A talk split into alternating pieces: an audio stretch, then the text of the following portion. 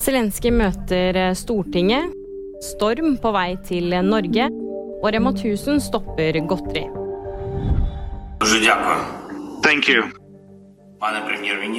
Mr. Prime Minister Jonas. Det sier Ukrainas president Vlodmyr Zelenskyj til eh, Stortinget. Gjennom skjermen så møtte i dag Zelenskyj Stortinget om Ukraina-pakke.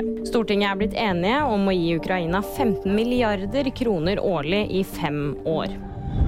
Fredag treffer stormen Otto Norge og Danmark. Stormen kan gi vindkast på 32 til 35 meter i sekundet. Meteorologisk institutt skriver at de vurderer situasjonen, og at det godt kan hende at det kommer noen farevarsler for fredagen. Rema 1000 setter Sofie Elise-godteri på vent. Etter planen skulle Sofie Elise Isaksen neste uke lansert sin nye merkevare, en godterilinje som føres av Rema 1000. Nå er varene sperret for salg.